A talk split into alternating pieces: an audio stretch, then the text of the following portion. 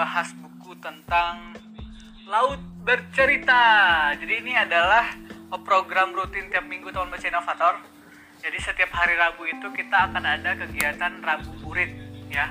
Jadi hari ini kita akan live bersama Mbak Ibu Leila Sulekai Kudori. Oh gila. Gak sabar. Gila, gila, Halo, gila, Rati. gila. Jadi siapa yang udah baca buku ini sebelumnya? Halo Kak Minggu Cerdas.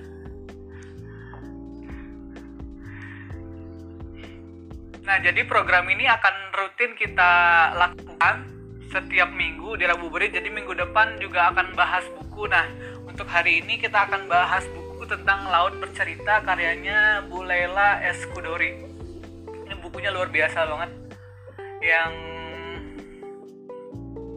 luar biasa. Jadi biasanya ya kalau saya baca buku novel itu sering. Jadi kayak abis satu buku, abis itu eh, kita ulang bacanya tuh biar seru gitu. Nah kalau ini ini nggak bisa karena sangat-sangat mengaduk emosi, sangat-sangat mengaduk emosi.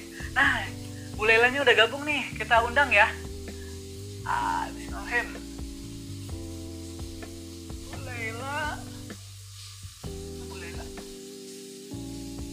Halo Bu Lela.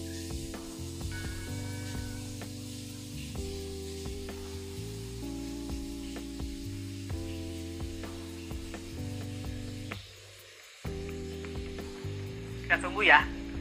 Bu Lela udah nggak salah. Halo Ibu. Halo. Berhasil Bu bisa? pernah ini aduh. Bisa. Selalu ada yang pertama Bu. Iya. Oke. Gimana? Apa kabar? Sehat Bu, Alhamdulillah. Ibu gimana kabarnya sehat Bu? Ya gitulah. Aduh. Hujan nggak di sana? Di sini enggak Bu, masih cerah. Saya Jakarta Utara, masih cerah Bu. Ibu di mana? Di Tangerang Selatan di Bintaro. Hujan ya Bu? Terus Wow. Gimana Bu, maka IG live pertama Bu? iya. Ini gede banget ya. Oke. Iya Bu, sebelumnya perkenalkan Bu, nama saya Fajri dari Taman Baca Inovator. Jadi hari ini kita udah ada 35, 35 teman baca se-Indonesia dari Ketapang dan terakhir itu ada di Sumba Barat kita teman bacanya. Jadi emang khusus buat anak-anak Bu. Nah, Oh, karena gitu. ya karena selama pandemi ini kita nggak buka taman baca karena jaga jarak, jadi tiap minggu itu kita rutin ngadain acara live via Instagram Bu. Nah, salah satunya adalah Rabu Burit. Jadi Rabu Burit. Jadi ngabuburit sekalian baca gitu, Bu. Jadi hari ini kita bahas Oke. tentang buku Laut Bercerita, Ibu. Ibu selama di rumah kesibukannya apa aja, Bu? Atau masih tetap keluar rumah atau gimana, Bu? Enggak. eh, aduh hampir se- udah sebulan nggak keluar rumah sama sekali. Wah. Segalanya online online. Kalau pesan apa apa online gitu. Berarti aktivitas di rumah semua, Bu ya? Iya. ya banyak kerjaan, banyak banget kerjaan. Saya kan ada acara podcast, kemudian Coming home, Bu, ya? Acara AA, coming home. Terus just saya juga ada acara eh, yang sama Tempo layar itu Iya, ya, iya. review film. AA. lalu jadi eh, semuanya dikerjainnya kayak gini lewat pakai Skype tapi ya pakai Kelas Skype. kelas menulis masih, Bu? Kelas menulis masih kelas menulis juga pakai pakai Skype gitu. Ah. Terus eh, jadi sibuk banget sih, tetap sibuk, cuma bedanya di rumah sekarang gitu. Kesibukannya sama aja, malah nambah mungkin, Bu ya? Karena lebih repot gitu, nggak jauh dari Iya. HP sama laptop. Ini lebih repotnya karena teknis ya, karena saya kan masih belum biasa. Awalnya tuh belum ini, sekarang kayak IG Live ini saya masih baru pertama kali. Tapi Oh. sebelumnya tuh yang Skype, kalau Skype saya sebenarnya udah biasa, tapi ini kan rame-rame. Jadi Hmm, ada ya, kayak peserta Zoom. kelasnya tuh kan ada. Ya, cuman kami lebih seneng pakai Skype atau Google Meet, eh, bukan pakai Zoom gitu.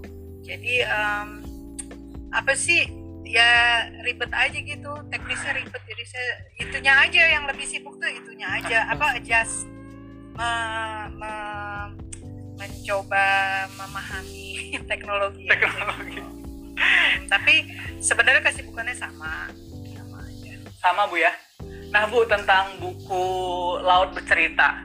Jadi ini saya baca dua tahun yang lalu Bu. Kesan saya ketika ngeliat covernya adalah ini Kubu Lela bikin buku lucu amat ya. Ada laut, ikan, gitu-gitu Bu ya. Karena kan ada tutupnya tuh di situ warna silver, nggak nggak kelihatan kan kaki yang keikat gini gitu. Jadi tuh, wah ini apa ya? Pas saya baca, ya itu emosinya luar biasa bu campur aduk. Saya biasa saya bia- bi- biasa baca novel itu dua kali tiga kali dengan happy ending dan lain-lain. Ini habis saya baca sekali itu kayak sedih marah putus asa itu kayak nyampur di dalam semuanya itu Iya. kayak luar biasa gitu. Itu proses kreatif bikin itu bu itu bagaimana? Maksudnya aktor-aktor yang di dalam itu nyatakah sunu laut dan lain-lain gitu bu tokohnya maksudnya ya? Hmm. tokohnya ya? Eh, ya sebenarnya di belakang bukunya saya udah jelasin sedikit ya. Eh, itu kan semua eh, memang terinspirasi dari tokoh-tokoh yang ada dan event yang memang betul terjadi gitu loh. Eh, tapi saya menyebutnya terinspirasi bukannya Terinspirasi. seluruh ya bukannya seluruhnya karena tetap ini karya fiksi. Saya selalu menyatakan itu Eh, dan pertama kali saya eh, mendapatkan inspirasi bahwa saya kepingin menulis ini ketika eh, waktu eh, saya masih full time di Tempo. Sekarang kan saya udah pensiun ya. Eh, kami tahun 2000 berapa ya lupa tuh saya. Kita membuat edisi khusus dan eh, salah satu orang yang kita minta untuk menulis tentang pengalamannya dulu di zaman Orde Baru Hmm. itu adalah Nezar karena dia memang Nezar Patria. di Tempo ya betul dia bekerja di Tempo dan dia eh, mempunyai pengalaman seperti berbagai aktivis lainnya eh, dia mengalami diculik nah Hmm. waktu itu saya minta Nezar untuk sendiri langsung dari point of view dia aku gitu. Lalu ketika saya melihat hasilnya kami semua melihat hasilnya bagus sekali hampir nggak diedit.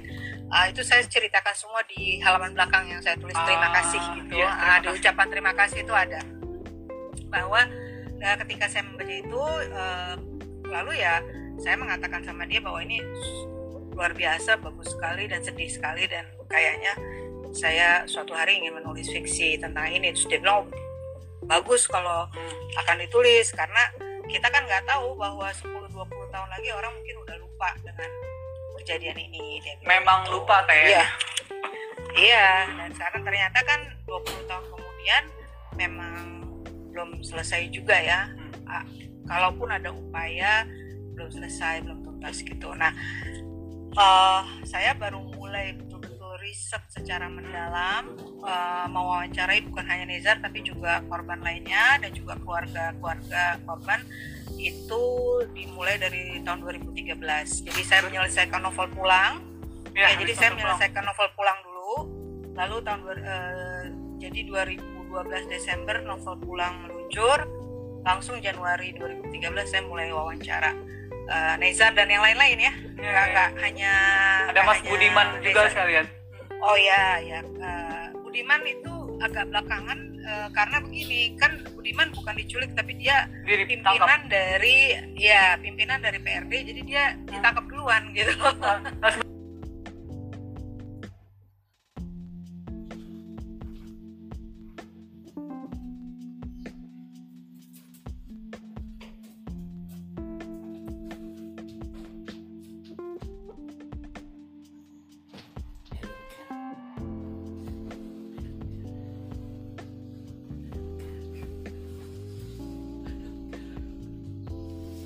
bu, Gitu. yang tokoh Arifin Bramantio Bram itu Mas Budiman bukan bu?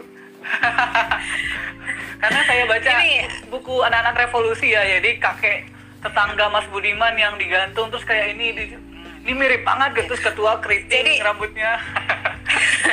sebenarnya gini eh, di tokoh-tokoh itu banyak yang terinspirasi dari eh, tokoh nyata memang betul tapi tidak sepenuhnya 100% itu Ah, eh, adalah orang jadi misalnya kayak laut itu nggak 100% Nezar gitu kan Nezar, orang anggap oh ini pasti ini pasti laut nih Nezar ya saya bilang ya nggak juga sih memang meni- nggak pengalaman- meninggal gitu. ah, ah, itu satu itu satu. Kedua eh, pengalaman-pengalaman eh, Nezar yang eh, yang memang utama saya garap itu pengalaman penculikannya dan bagaimana mereka diperlakukan.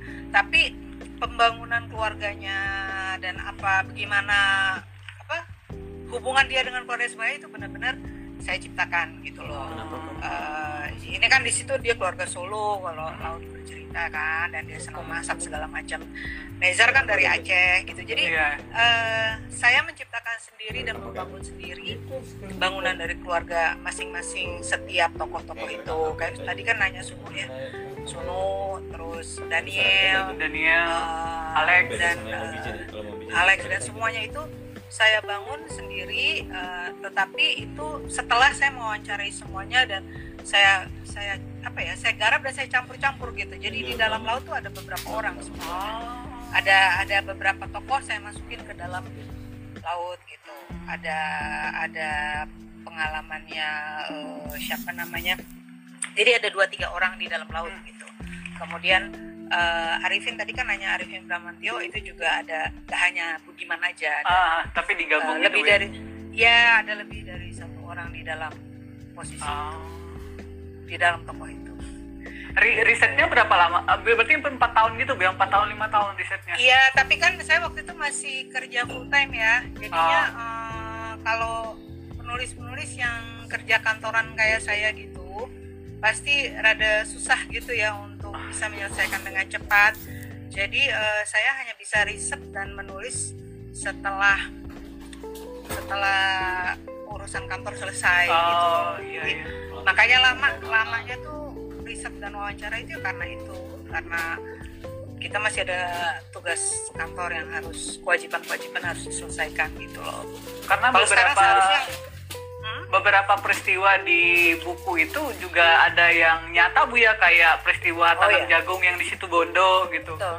Itu ibu beneran riset satu-satu ke sana atau Ah, enggak, eh, karena kan eh, di sana udah bentuknya udah udah enggak segar, udah bukan ladang jagung Oh. lagi ya, udah udah enggak. Tapi eh, kan saya juga tanya sama Nezar nih, saya kalau ke sana eh, seperti apa? Oh, udah udah nggak seperti itu mbak, udah udah berubah. Oh.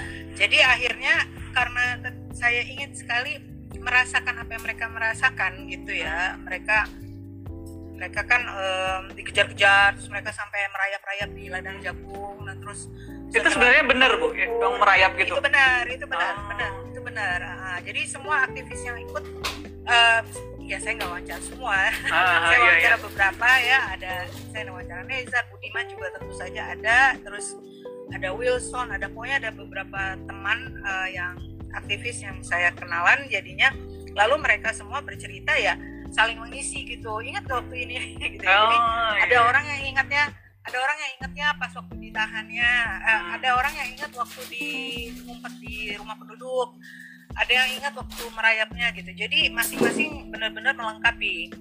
Nah itu eh, kan saya nggak bisa ke sana karena udah berubah. Iya, jadi iya. akhirnya yang saya lakukan saya bilang saya nih kepingin tahu ladang jagung kayak apa nih saya anak kota. Hmm. jadi Ngambil jiwanya bu ya. ya jadi saya pengen tahu nih jagung apa, eh, ladang jagung seperti apa. Jadi akhirnya waktu saya lagi riset ke Solo untuk membayangkan rumahnya si laut Laut ah. kan laut ini ah, ah, laut ini dari Solo akhirnya saya minta teman-teman saya di sana kan saya ada teman-teman penulis semua saya bilang anterin saya dong ke ada ladang jagung. Oh banyak mbak ya udah jadi kita ke cari banyak di sana gitu. Jadi keluar sedikit keluar Solo terus saya mengunjungi ladang jagung dan saya sampai turun dan bingung ini Mbak Lela ngapain sih gitu. Karena saya betul-betul mau tahu daunnya kayak apa kalau berubah Oh. kayak apa gitu. Gitu saya pengen Pas dia tiarap gimana gitu bu ya? Iya betul, tapi kan itu kan hujan ya di dalam adegan itu ya. Iya, adegan. Jadi makanya Malam lagi. ah, tapi betul. Nah, tapi saya jadi bisa membayangkan seperti apa tingginya, seperti apa gitu loh. Gitu. Jadi em, biasanya kalau ada hal-hal yang saya nggak familiar, saya merasa harus mendatangi dan merasakan gitu loh. Oh, oke oke. Bukunya kan itu dari dua sudut pandang bu ya. Itu keren banget sebenarnya. Yang Iya. pertama dari eh, laut, kemudian kedua dari Anjasmara ya bu ya. Eh, Asmara. asmara, Asmara. asmara gitu. Jadi satu Iya. memang si korban, satu lagi yang melihat dari laut itu sama-sama sedih. Tapi yang yang asmara ini saya melihatnya kayak sedihnya itu nggak berujung gitu loh Bu, sampai sekarang gitu kayak Iya. sedihnya masih nah itu dalam Iya. proses pembi- pembuatannya yang mana duluan Bu atau lihat laut dulu abis itu kasih asmara atau asmara dulu baru laut atau prosesnya itu gimana Bu? Nah, ini ada Pritan nih sutradara film pendeknya nih. Kita kan bikin Ah. film pendek tuh, tuh ada. Oh iya iya yang, Prita yang Reza. Angga. Ah. Iya betul betul. Em, sebetulnya kalau ingat di awalnya dulu, eh, saya tadinya mau kepinginnya eh, point of view laut, lalu yang kedua point of view ibunya tadinya. mau gitu. Lalu eh, belakangan saya merasa kalau saya memakai ibunya rata-rata eh, orang tua yang saya wawancara kalau nggak udah meninggal atau enggak eh, sangat sedih gitu loh. Artinya benar-benar udah eh, apa ya betul-betul sedih gitu loh. Dan saya saya merasa sulit untuk menulis eh, orang tua yang kehilangan anak gitu. Ya kan? Jadi eh, saya merasa saya harus menulis dari anggota keluarga yang juga sedih tapi dia masih bisa rasional masih bisa berfungsi masih bisa bekerja masih ya ya artinya dia dialah yang menjadi tonggak di keluarga yang eh, mencoba eh, bukannya move on ya tapi harus fungsional dia harus bisa tetap bekerja. Dan nah jadinya saya pikir sebaiknya adiknya gitu loh. Karena saya lihat para sibling adik kakak dari orang-orang yang eh, hilang ini mereka juga sedih tapi mereka lah yang biasanya menjadi tonggak keluarganya. Yang artinya nanti mereka yang merawat ibu atau bapaknya yang sangat sedih. Dan yang saya pelajari juga eh, dari saya sampai ngobrol sama psikolog eh, kematian kalau orang tua itu kan kita sudah expect sudah merasa kita tetap sedih ya kalau orang tua Iya. meninggal tapi pasti itu sesuatu yang kita anggap wajar biasanya karena itu lebih tua daripada kita usianya jauh lebih tua dari kita dan kita udah kita biasanya udah ikhlas gitu loh iya ya Tapi ruang wajarnya anak- masih ada Bu. Iya, tapi kalau anak yang meninggal itu beda. Kalau anak pasti orang tua akan merasa kok dia duluan gitu. Kenapa dia duluan? Kenapa bukan saya? Jadi ada perasaan seperti itu gitu biasanya. Jadi eh, waktu saya wawancara, nah, apalagi ini double sedih lagi karena selain mereka merasa anaknya hilang, mereka nggak tahu anaknya itu di mana, nggak ada makamnya, ya kan? Jadi saya pikir ya udah saya ganti adiknya aja. Nggak tahu. Nah, karena dia harus eh, dia harus menjadi tokoh yang berfungsi, yang bisa bekerja dan dia yang bisa nanganin ibu bapaknya yang pedih Iya. gitu loh. psikologis Nah, eh, eh, namun ya tetap aja menurut orang yang baca katanya bagian itu juga sedih banget. Bagian apa pun pasti bagian- sedih Bu kalau kehilangan mah Iya, iya, ya, iya. Jadi ya udah. Tapi eh, ya itu makanya saya ganti jadi Asmara Jati. Ah. Tadinya saya mau ibunya. itu mau proses menyelesaikannya yang mana duluan Bu seiring atau laut dulu atau biru dulu Laut dulu. Oh laut dulu Laut dulu. Nah, laut, laut. Kemudian eh, itu kan saya bikin kayak kayak circle gitu ya. Iya, Jadi iya. bagian lautnya itu, sele- ah, bagian lautnya itu balik lagi ketika dia apa namanya mau dipas menjelang diculik kan gitu. Lalu eh, Asmara Jati kita loncat ke beberapa tahun ke depannya gitu ketika mereka semua udah kehilangan. Ketika mereka sudah eh, membangun apa sih ikatan ikatan keluarga orang hilang. Jadi kan se- sebelum live ini Bu, saya juga coba riset dikit-dikit. Banyak yang ulas buku ibu, terus ada juga yang anak SMA yang ngebahas buku itu loh. Eh, maksud Hmm. saya adalah eh, buku ini kan berdasarkan kisah nyata 98 Bu ya, yang paling dekat 98 gitu. Eh, kemudian dibungkus dengan novel. Nah itu sepenting apa sih Bu anak-anak taruhlah milenial atau generasi Z untuk tahu ini gitu. Karena kan nggak tahu apakah itu relate dengan mereka atau enggak gitu. Cuman secara bahasa kan emang sedih gitu. Cuman secara substansi itu sepenting apa bu untuk teman-teman ini tahu? Gini, waktu saya menulis sebetulnya eh, ini jawaban yang sama yang selalu saya kasih ke kawan-kawan yang bertanya. Saya waktu nulis agak nggak mau terlalu mikir apakah ini untuk orang tua atau milenial gitu. Karena kalau saya mikirin ini untuk uh, anak milenial aduh dia ngerti nggak ya? Aduh dia ngerti nggak ya penyanyi Joan Baez gitu ya? Kan itu kan uh, saya ngikutin ngikutin masanya waktu itu para aktivis menyanyi lagu uh, We Shall Overcome-nya Joan Ya. Baez atau pakai lagu Beatles gitu-gitu ya. Beatles, Uh, Blackbird. makanya jadi eh, saya kan harus mengikuti masanya jadi saya memakai lagu-lagu tersebut gitu. Nah saya kalau saya mikirin nanti nyambung nggak ya sama ini sama milenial? Nantinya saya jadi tercustomize gitu loh sakingnya mikirin pembaca terus nanti saya customize itu semua supaya relate sama mereka gitu loh.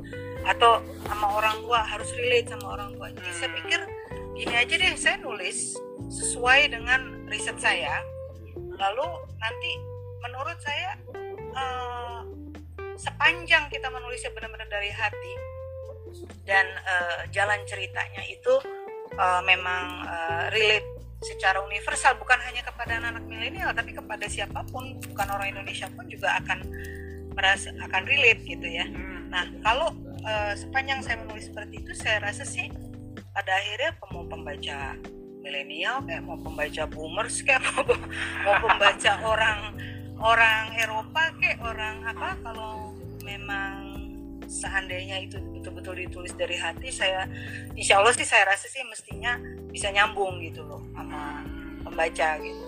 Jadi saya nggak nggak begitu mau mikirin "Oh, ini untuk anak umur 20 tahun atau dua gitu. Saya nggak nggak terlalu Ah, Nah, jadi em, sebenarnya waktu di novel pulang saya juga terkejut bahwa oh ada anak-anak SMA yang baca gitu Iya, iya. saya di Padahal kan pelarian politik yang gitu Bu ya. Jadi kayak iya yang tahun 65 jauh sekali kan. hmm, 65 Nah, masih tapi komunis makanya dan jadi saya waktu di Amerika diundang ke beberapa kampus kalau kampus mah biasa ya itu kan mereka apa, udah mahasiswa tapi saya juga Kajian. diundang di beberapa SMA Wow. SMA di Amerika nah terus di Jakarta juga saya diundang eh, anak-anak SMA apa apa SMA SMA private sih ya apa SMA SMA swasta gitu ya.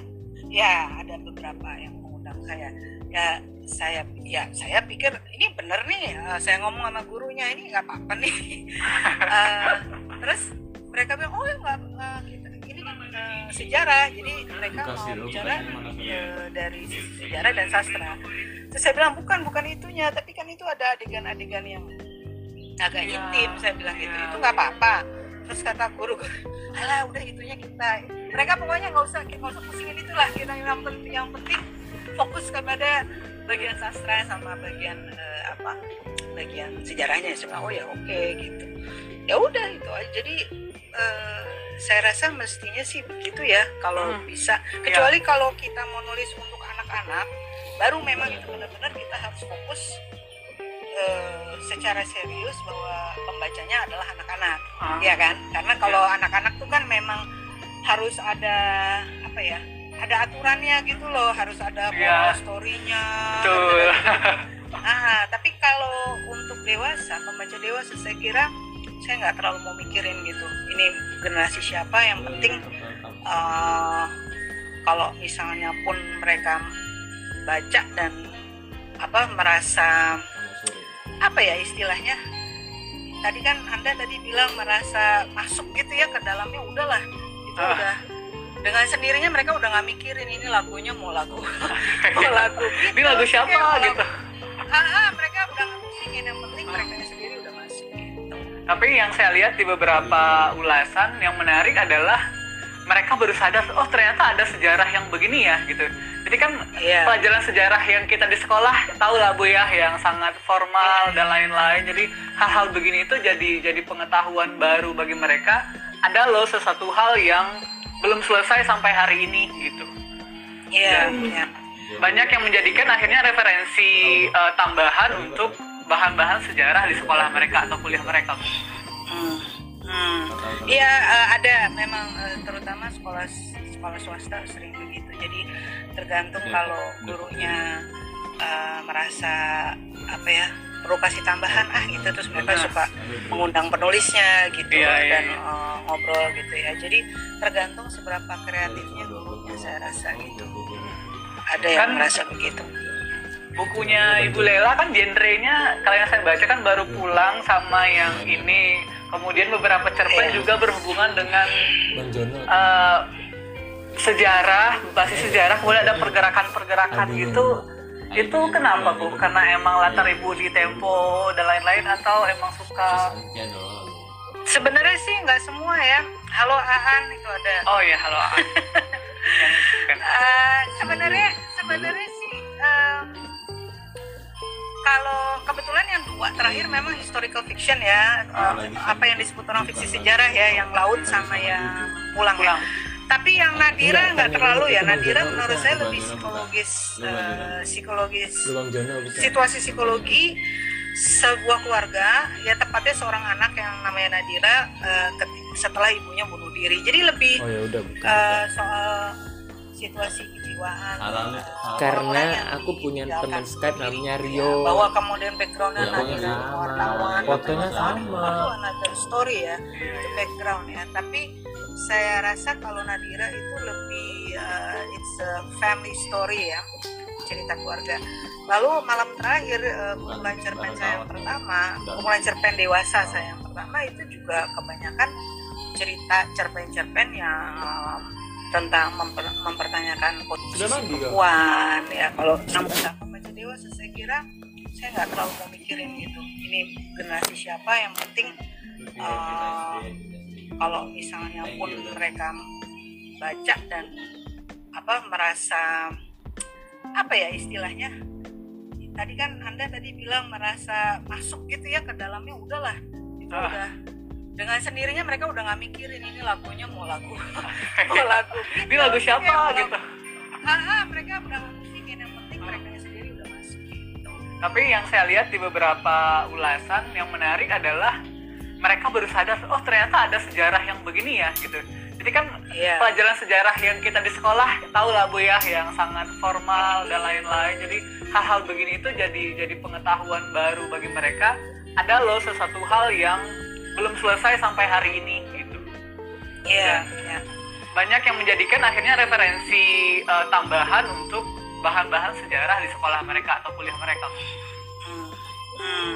Iya eh, ada memang eh, terutama sekolah sekolah swasta sering begitu. Jadi tergantung kalau gurunya eh, merasa apa ya perlu kasih tambahan lah gitu terus mereka suka mengundang penulisnya Barusan gitu aku ya, baru pegang. eh, ngobrol gitu ya. Jadi tergantung seberapa kreatifnya gurunya saya rasa gitu. Ada yang Kan- merasa begitu. bukunya Ibu Lela kan genrenya kalau yang saya baca kan baru pulang sama yang ini kemudian beberapa cerpen Iya. juga berhubungan dengan eh, sejarah basis sejarah kemudian ada pergerakan-pergerakan gitu itu kenapa bu karena emang latar ibu di tempo dan lain-lain atau emang suka Sebenarnya sih nggak semua ya. Halo Aan itu ada. oh ya halo. Yang kan. Eh, sebenarnya sebenarnya sih em, kalau kebetulan yang dua terakhir memang historical fiction ya eh, apa yang disebut orang fiksi sejarah ya yang laut sama yang pulang ya. Pulang. tapi yang Nadira nggak terlalu ya Nadira menurut saya lebih psikologis psikologis. Situasi psikologi sebuah keluarga ya tepatnya seorang anak yang namanya Nadira eh, ket- setelah ibunya bunuh diri. Jadi lebih eh, soal situasi kejiwaan eh, orang-orang yang ditinggalkan bunuh diri gitu ya. Bahwa kemudian backgroundnya Nadira ini wartawan bapaknya wartawan itu another story ya. Itu background ya. Tapi saya rasa kalau Nadira itu lebih eh, it's a family story ya cerita keluarga. Lalu malam terakhir eh, kumpulan cerpen saya yang pertama kumpulan cerpen dewasa saya yang pertama itu juga kebanyakan cerita cerpen-cerpen yang tentang memper- mempertanyakan posisi perempuan ya. Kalau bisa mungkin orang mungkin nyebutnya feminist story I don't know terserah lah sebutannya apa. Uh, kemudian ada tentang uh, macam-macam sih di situ ya lebih persoalan kebebasan gimana masyarakat uh, mendikte kehidupan uh, seseorang di Indonesia gitu ya. Jadi um, kalau yang agak sejarah tuh ya baru dua yang dua terakhir. Baru baru dua ini bu ya? Ya dua ini. Ya. Itu kan ibu se- profesi kan penulis juga kemudian wartawan Halo juga. Mas Chan, sorry ini ini ini bu- ini bos nih, bos bos kompas nih. Lihat gak tuh yang muncul tuh? Kompas Arcana. nih, Putu Arcana nih. salam Halo Bli. Nah, gimana gimana Mas? Iya eh, kan ibu penulis novel iya kemudian wartawan juga iya itu kan artinya gaya penulisannya beda yang ada yang pakai rasa ada yang fakta-fakta aja itu ketika proses Hmm. penulisannya itu emang sama aja atau terpisah atau gimana bu prosesnya Eh, beda sih. Jadi gini, sebenarnya kan saya udah nulis sebelum saya jadi wartawan ya. Saya kan Ah. udah menulis dari kecil gitu.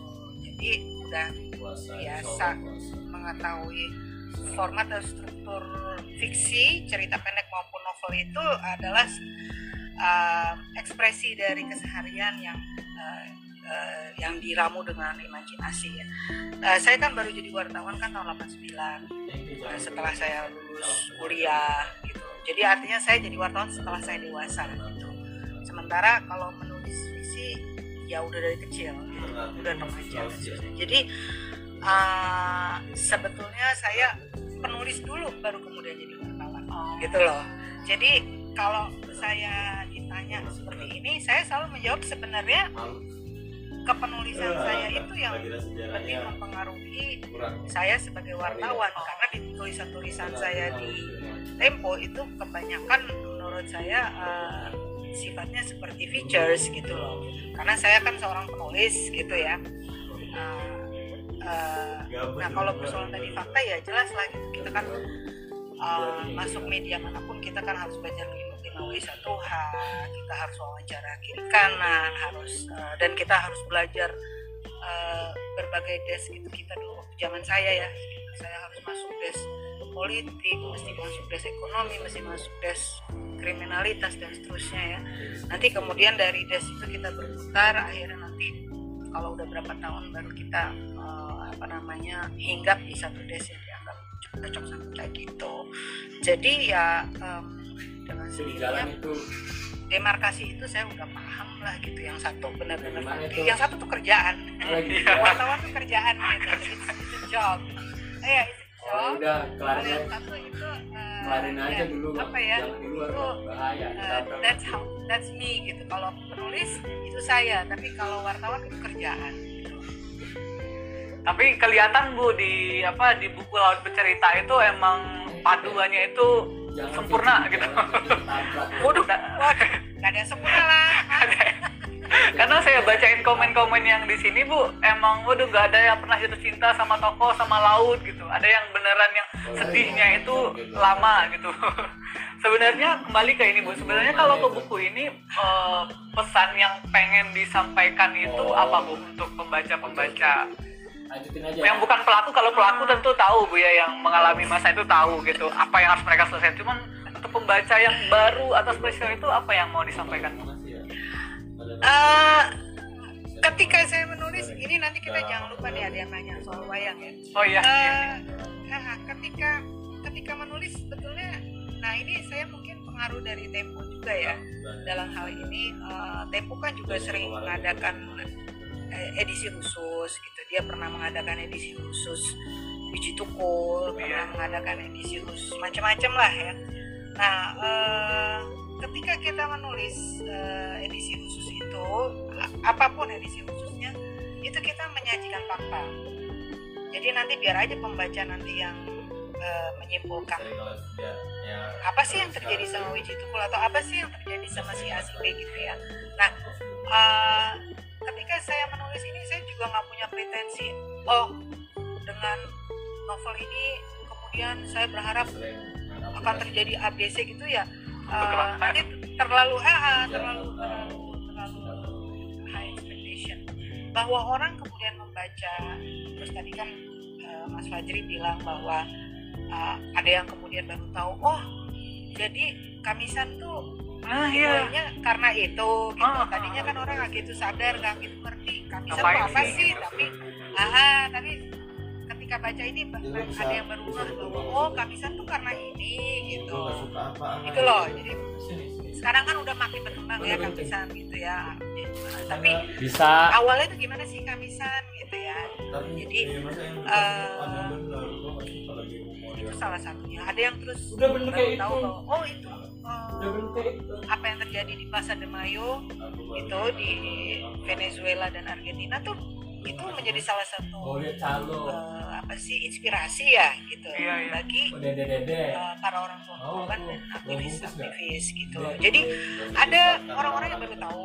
Ada orang-orang yang baru ngerti Orang di zaman orde baru hidupnya kayak begini ya. Begini nggak usah amat baca buku aja. Ah misalnya yang kasih ya yang tadi generasi yang umurnya 20-an yang baru lahir di daerah, tahun 98 atau yang baru lahir tahun 2000-an gitu baru ngeh bahwa oh eh, dulu tuh kalau baca bukunya Pram bisa ditangkap ya gitu kan? Kalau sekarang kan Ah, ke toko buku udah ada tuh buku-buku. Difilmkan malahan sekarang iya makanya nah, di zaman itu eh, aktivis yang mengadakan diskusi itu ditangkap. Di, ditangkap dan dipenjara gitu. Jadi em, artinya gini saya tuh tidak berharap orang akan akan uh, melakukan sesuatu kalaupun mereka melakukan sesuatu bagus gitu ya. tetapi bahwa mereka jadi punya kesadaran aja itu udah saya udah, udah, udah cukup apa konten gitu saya cukup puas. Tapi kalau kemudian setelah itu bergulir gitu ya kemudian mungkin setelah baca ini mereka jadi kepingin baca buku yang lain. itu kalau ya kan? Ya, gitu terus ya. Menggali terus terus. Ah, jadi oh aku ini di sini punya si A punya si B aku jadi pengen tahu gitu. Itu kan jadi lebih bagus ya. jadi membuat orang bacaannya jadi lebih kaya oke. Bu kita lihat yang di Instagram bu. Ada dari Mbak Gina ini. Alas alasan Hmm? di novel pulang sama laut bercerita kenapa ada mitologi wayangnya apa emang Mbak Le suka sama mitologi wayang atau gimana Iya, memang nih saya eh, Gina, saya nih generasi yang eh, apa ya besar dengan dengan wayang. Jadi eh, saya kan saya kan lahir di tahun 60-an. Jadi waktu itu belum gak usah mikirin internet deh. Internet tuh baru tahun berapa ada ya. Eh, kami ini ya, generasi saya itu hanya ada TVRI ya masih hitam putih TVRI satu. Nggak ada nggak ada tuh pay TV HBO boro-boro. Jadi hanya ada TVRI itu pun nggak 24 jam loh cuma mulainya dari sore jam jam 9 lima malam, Bu, sampai ya? iya lebih lebih jam 10 Gitu. terus eh, terus itu satu. Terus kedua eh, hiburan kami jadi hanya TV dan membaca belum ada tuh apa video-video VHS apa rekaman film baru adanya setelah saya SMP nah jadi eh, anak-anak generasi saya tuh eh, banyak yang giat gitu teater Eh, kita saya tuh dulu waktu anak-anak ikut teater terus membaca. Jadi saya itu dengan sepupu-sepupu saya dengan kakak-kakak saya itu selalu menanti eh apa komik wayang yang terbaru. Jadi itu dulu eh, Bapak Era Kosasi akan mengeluarkannya satu-satu gitu Mahabharata yang pertama yang kedua terus sampai selesai gitu. Kita selalu menanti. Nah gara-gara itu waktu anak-anak saya bacanya komik Era Kosasi setelah dewasa saya mencari eh, way apa bukan wayang ya maksudnya Mahabharata dan Ramayana yang versi India yang asli. Iya iya iya. Gitu. Karena kan uh, banyak perubahan ya setelah masuk ke Indonesia. Ada banyak uh, apa namanya cara Jawanya saya pengen tahu yang India itu seperti apa gitu. Nah saya merasa banyak sekali uh, filsafat dan tokoh-tokoh di dalam wayang yang memang luar biasa dan cocok untuk digunakan dalam keseharian gitu. Itu aja sih Oh. berarti emang emang fil- filosofisnya begitu bu ya? Emang banyak Iya. nilai-nilai yang bisa diambil selain wayang apalagi bu yang konsisten?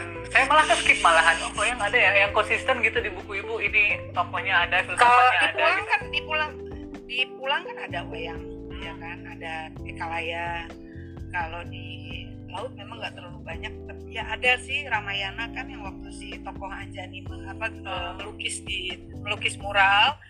Kan eh, dia meng- menggunakan bukannya itu kan kalau Ramayana kan Sita yang diculik oleh Rahwana aslinya. Tapi di dalam situ si Anjani melukisnya eh, justru Rama yang diculik dan Sita yang menyelamatkan gitu loh.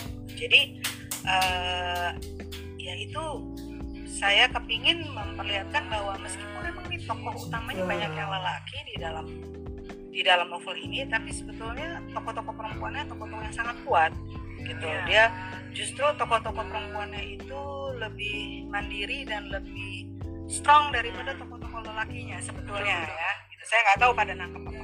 Iya. Soalnya saya kira tokoh Anjani itu keluarnya pas di versi si laut aja ternyata sampai akhir tuh dia emang muncul emang Iya. tersiksa emang memperjuangkan sampai akhir buat sama si Asmara gitu. ya kan tokoh perempuannya ya ada tiga ya ada Aku ada si Oh, Kinan. ini kata Bang Nah, dia apa pimpinannya kan? Kinan Iya. Ah, kemudian ada Asmara dan saya gambarkan mereka tokoh-tokoh perempuan yang kuat sekali gitu loh. Eh, mereka Eh, memang ke mana bukan ya? orang-orang yang mau menonjol ke depan ya. Mereka agak di belakang bukan di belakang panggung tapi they are very strong women. Gitu loh. Ya, ya. Dan itu saya saya biasanya suka ditanya sama orang itu sengaja? Saya bilang iya saya purposely gimana? saya sengaja memperlihatkan itu karena ketika saya riset saya tanya ini kok aktivisnya lelaki melulu sih? Masa nggak ada perempuan? Oh ada mbak. Si A si sebut gitu nam ah mereka sebut nama namanya dan saya bilang "Oh, kalau gitu aku mau dong kenalan gitu ya. Lalu aku perhatikan itu tuh, aktivis perempuannya itu kuat-kuat semua Gunting mana, gunting? very strong women. cuman mungkin media tuh kayaknya kecenderungannya lebih suka mengangkat yang lelaki saya nggak tahu ya tapi sebetulnya yang perempuan-perempuannya really really strong Ya. Dan saya baca buku ibu, buku bukunya anak revolusi Mas Budiman itu kan aktivis yang laki biasa punya pacar tuh. Nah itu cukup mempengaruhi kepergerakan mereka gitu loh bu, yang ide-ide, Ah. semangat dan lain-lain. Nah ini menonjol Nah, itu pas yang saya- di Anjani. Ya saya makanya nggak mau uh, perempuannya itu posisinya hanya pacar gitu loh. Jadi makanya uh, di situ Kinan kan pimpinan juga gitu. Loh meskipun dia dia Iya. memang membantu si si siapa namanya si Arifin Bramantio ya. Tapi she is really strong gitu. Makanya dia pimpinan dan dia juga hilang kan gitu. Uh, saya nggak mau gitu bahwa oh cewek pacarnya doang gitu saya nggak mau gitu. Tapi emang ada ininya bu ya, strong banget, ke- apa kerasa banget Iya, strongnya. Emang abangnya ya. dan memang kenyataannya gitu. ketika saya wawancara mereka eh, penting sekali. Cewek-ceweknya ini penting banget eh, posisinya. Kalau saya pribadi bu ya yang di buku ini yang tokoh paling berkesan setelah tokoh utama itu si bapak. bu. Gimana si bapaknya bapak laut. Bapaknya laut yang Bapaknya kerja di apa di sebagai wartawan menginspirasi melakukan hal yang Ya. sama. Kemudian di akhir setelah laut benar ditemukan dia masih melakukan aktivitas yang sama. Eh, muter musik yang sama itu itu kayak berasa banget gitu. Itu kalau dalam dalam ibu sendiri pas bikin itu emang strong juga atau gimana bu? Eh, itu itu eh, kalau yang bapaknya itu juga gabungan dari beberapa karena ada orang tua korban yang memang seperti itu. Jadi ada yang masih menyediakan diri eh, pas itu nyata bu ya berarti? Maksudnya Nyata, itu beneran nyata. kayak gitu aktivitas? Ya, tapi ya, saya mencampur. Jadi bukan sebenarnya itu yang bapaknya laut itu adalah campuran dari beberapa sosok jadi bukan hanya satu bukan hanya satu ayah yang itu ada beberapa saya Eh, tapi ya emang demikian Iya iya iya. Itu kayak yang kan saya biasa baca novel yang happy ending ada endingnya gitu loh bu. Ini saya sa- endingnya belum selesai ini sampai sekarang masih masih dicoba. iya karena emang iya belum Nah, selesai cuman eh, saya sih sebenarnya merasa saya kepingin endingnya itu kepingin ada rasa harapan juga sih ya ada Ah, rasa kan di situ kan eh, suratnya laut. Laut terakhir oh, kepa- kepada adanya. asmara eh, itu kan sebenarnya menunjukkan bahwa kamu harus move on dan kamu kamu harus eh, jalani hidup kamu gitu loh. Jadi dan bahwa mereka kemudian karena nggak punya kuburan terus kan mereka akhirnya ke laut gitu ya. Untuk untuk ah, ya untuk seolah-olah bahwa ya udah kuburannya memang di sini gitu ya meskipun mereka sampai sekarang nggak tahu ada di mana. Itu saya mencoba memberikan sebuah sebuah apa ya closure ya sebuah eh, perasaan agar orang-orang ini biarpun mereka tetap menuntut keadilan. Mereka tetap sampai sekarang harus menuntut keadilan tapi at the same time mereka juga tetap mengisi hidup gitu loh jadi tetap eh, mereka luka udah jelas mereka luka tapi at the same time mereka ingin hidup gitu jadi ada dan juga ya itu kan ada ucapannya Asmara kepada orang tuanya bahwa Bu kalau kepada ibu dan bapaknya Bu kalaupun misalnya presidennya sekarang Kalau kapan potong rambut, Teh? mungkin presiden Kalau kapan potong rambut? presiden atau mungkin gitu loh artinya kita terus aja gitu Kapan? terus aja kita. Biasanya gitu makanya itu pamisan Iya. gitu. Iya, makanya artinya saya cuma memperlihatkan bahwa um, sure um, apa namanya ini sesuatu yang sedih, sesuatu sesuatu luka yang besar, Ya, berarti uh, tapi orang-orang di sini, orang-orang yang saya gambarkan itu tuh bukan orang yang putus asa gitu. Jadi saya merasa sih kepengennya itu satu ending yang bukan uplifting ya, tapi yang ada harapan gitu loh, bahwa mereka nggak putus asa. Iya. Kira-kira gitu. Iya, itu saya kepikiran banget sih bu. Kan saya posting tuh di Instagram saya itu kayak saya nangis bacanya gitu-gitu jadi kayak Banyak iya, makanan kita yang dibuang. Saya juga begitu karena nggak "Oh, ini gimana gitu akhirnya gitu karena kan pas di sesi akhir kan ada yang adegan si Asmara sama Alex ke laut ke Pulau Pari atau pulau apa terus Ya, menemukan Pulau Seribu. iya ini ketemu nggak ya ini saya berharap nih ketemu apa gitu. Oh ternyata emang ujungnya itu adalah kita harus terus mencari kita harus terus mengusahakan. begitu nggak sih bu kira-kira Iya. endingnya itu? Iya, iya. iya. Emang emang begitu meskipun eh artinya gini, kita mungkin nggak akan tahu tepatnya ada di mana, apakah itu mereka bersamaan ada di satu tempat? Kita nggak tahu.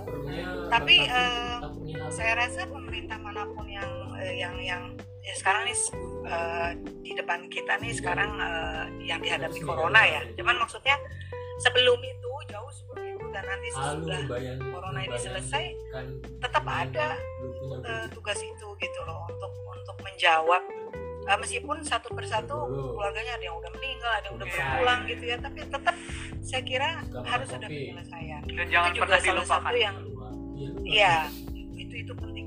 Karena mm, menurut saya sejarah nih kalau ada peristiwa seperti ini kalau didiemin aja ngambang itu bisa terjadi lagi. Gitu Itu loh. laguna bisa terjadi sejarah. lagi. Jadi eh, kalau misalnya ada pelanggaran seperti ini, Here comes the whales meant to us. diselesaikan. jadinya nantinya gitu in the future nggak terjadi lagi. Ada presiden bahwa ini diselesaikannya waktu itu dengan cara ini gitu. Maunya sih gitu kalau memang amin amin kepingin Indonesia Indonesia itu dianggap sebagai negara yang eh, bukan hanya demokratis tapi juga beradab gitu. Bu saya mau nanya nih berdasarkan banget itu si Gusti itu beneran nyata nggak bu yang pengkhianat itu. Itu tanya tanya sama itu aktivis tuh sama sama eh, enggak maksudnya off the record ibu juga mengetahui ada maksudnya. Ah, eh, gitu. begini saya saya wawancara mereka dan saya tanyakan Ih, lamunian eh, ini. teman-teman ini nih para aktivis ini udah pernah nulis buku loh Eh, ada juga bisa judulnya di belakang ada ada. Oh. Ada di sini di berarti bu belakang ya? di belakang. Oh, oke oke kan saya bilang saya berterima kasih. pada buku ini ini ini. Ada buku di ladang jagung atau di ladang apa pokoknya ada. Nah, itu eh, mereka menyebut belak belakan di oh belak belakan ah ah. nah eh Oh iya itu benar. jadi sebetulnya menurut mereka menurut kawan-kawan aktivis ini emang ada Gitu. tapi ya terus hilang hilang. Hilang jadi makanya saya juga menggambarkannya setelah itu ya hilang dia. Gak kebayang bu kalau si Gusti masih hidup sampai sekarang bu. Eh, hilangnya tuh bukan hilang karena di apa apain hilangnya tuh karena memang dia harus menghilang gitu loh. Nggak tahu aja gitu bu ya. Emang- ya bukan karena ya memang Dia udah di tugasnya tugasnya ya seperti itu hilang iya paham paham. Ad- menurut saya orangnya masih ada tapi ya hilang. Kan maksudnya eh, kalau kayak di film-film orang yang ditugaskan melakukan hal-hal seperti itu menyusup habis itu itu pasti setelah setelah itu mereka pergi gitu. ganti identitas dan lain-lain. Kayak di film-film lah ya ya. apalah gitu. Drama di otak saya kayak di Mission Impossible gitu bu Enggak, enggak tahu saya yang saya saya Cuman maksudnya mereka ini aja enggak enggak ke enggak ke depan publik juga enggak enggak punya kehidupan publik yang biasa gitu. Jadi eh, bukan yang maksudnya tuh sampai ganti identitas enggak. Ya, maksudnya ya udah mereka mereka enggak enggak hidup dengan eh, apa sih dengan eh, nama yang terkenal gitu enggak. Nah, tapi eh, pekerjaan semacam itu di setiap eh, negara itu ada yang begitu yang disuruh nyusup kemudian nanti melaporkan gitu itu ada. Oke oke bu. Semua Jadi pada nggak- nanya itu. Itu beneran sih. Itu siapa? Gusti Ah, ah. Rambut gue berantakan banget. Iya itu ya siapa? Kan karena pengen feel feel bu. Oh gitu ya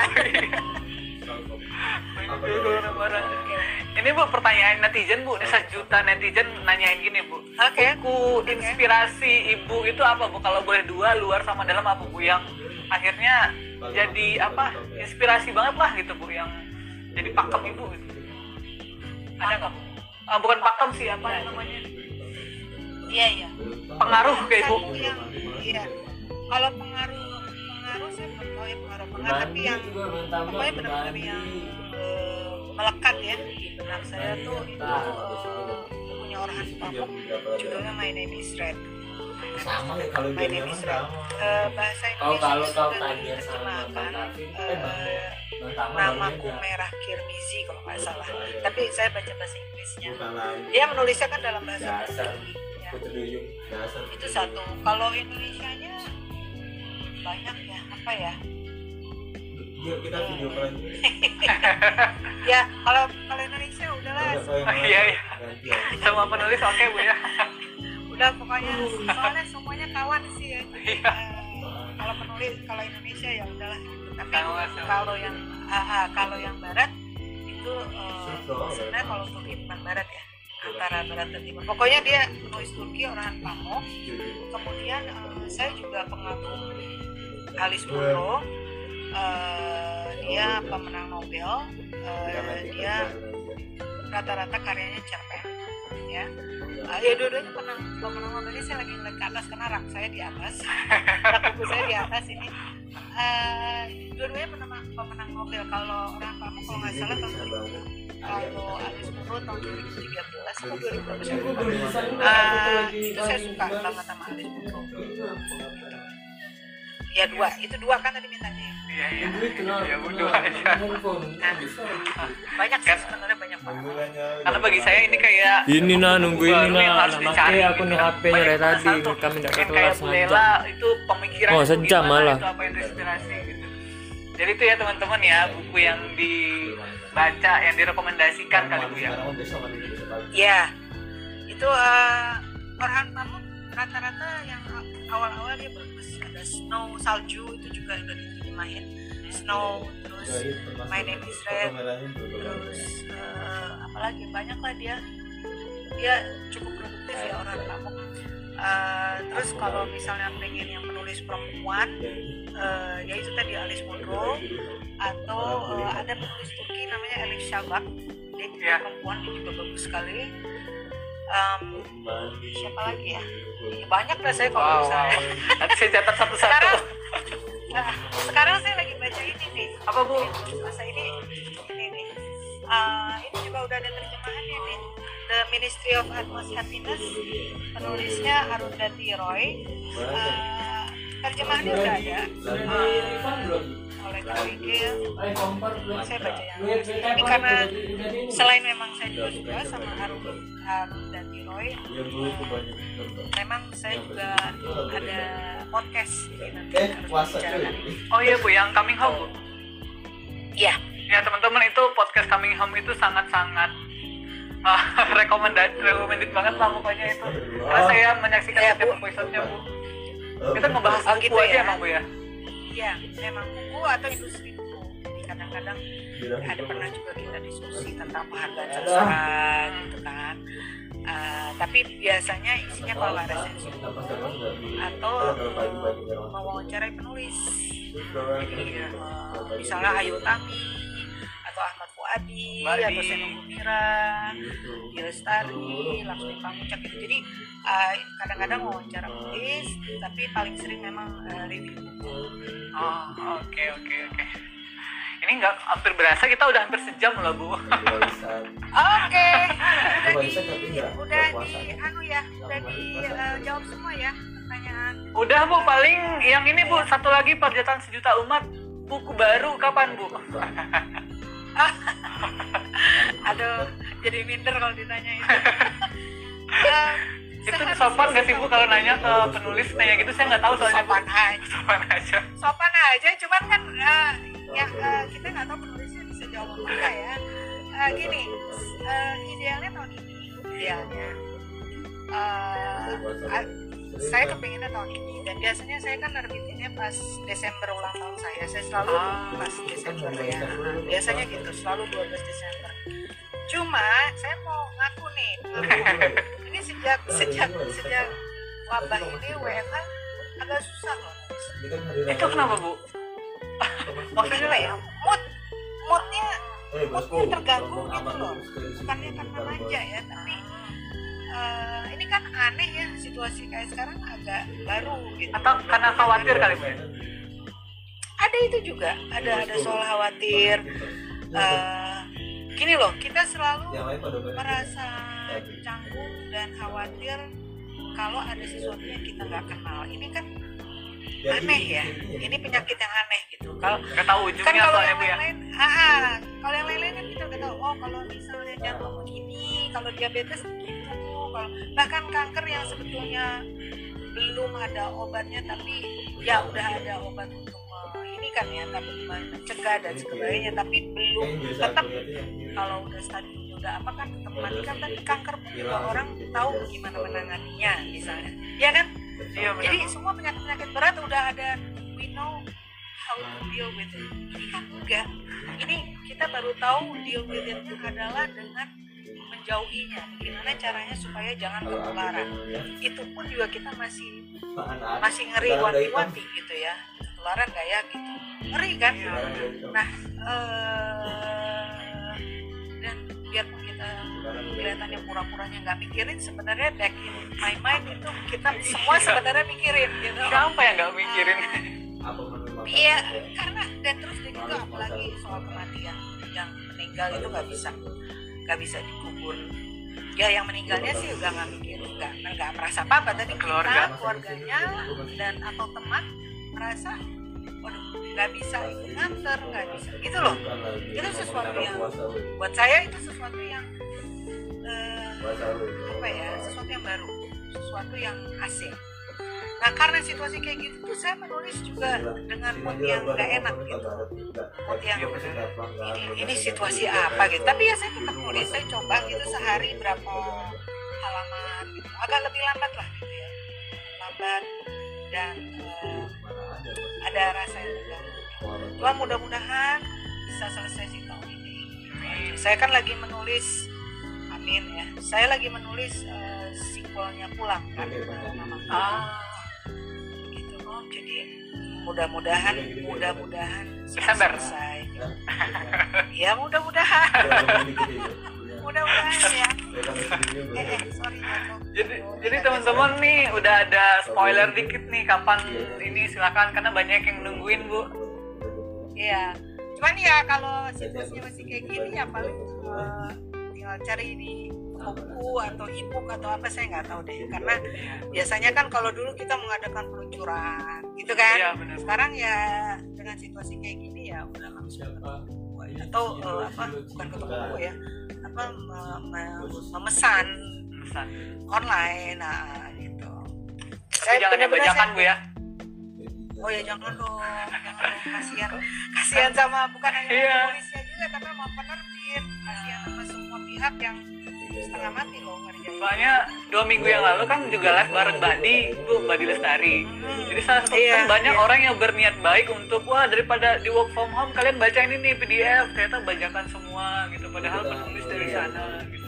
jangan Iya, ya saya Alun-alun. jangan jangan. Soalnya jangan Alun-alun. ini udah sangat kecil gitu ya royalti itu eh, kemudian di ya di gimana ya sedih juga sih saya sebenarnya. Saya mendingan kalau misalnya ada orang ini saya eh, kalau misalnya saya ada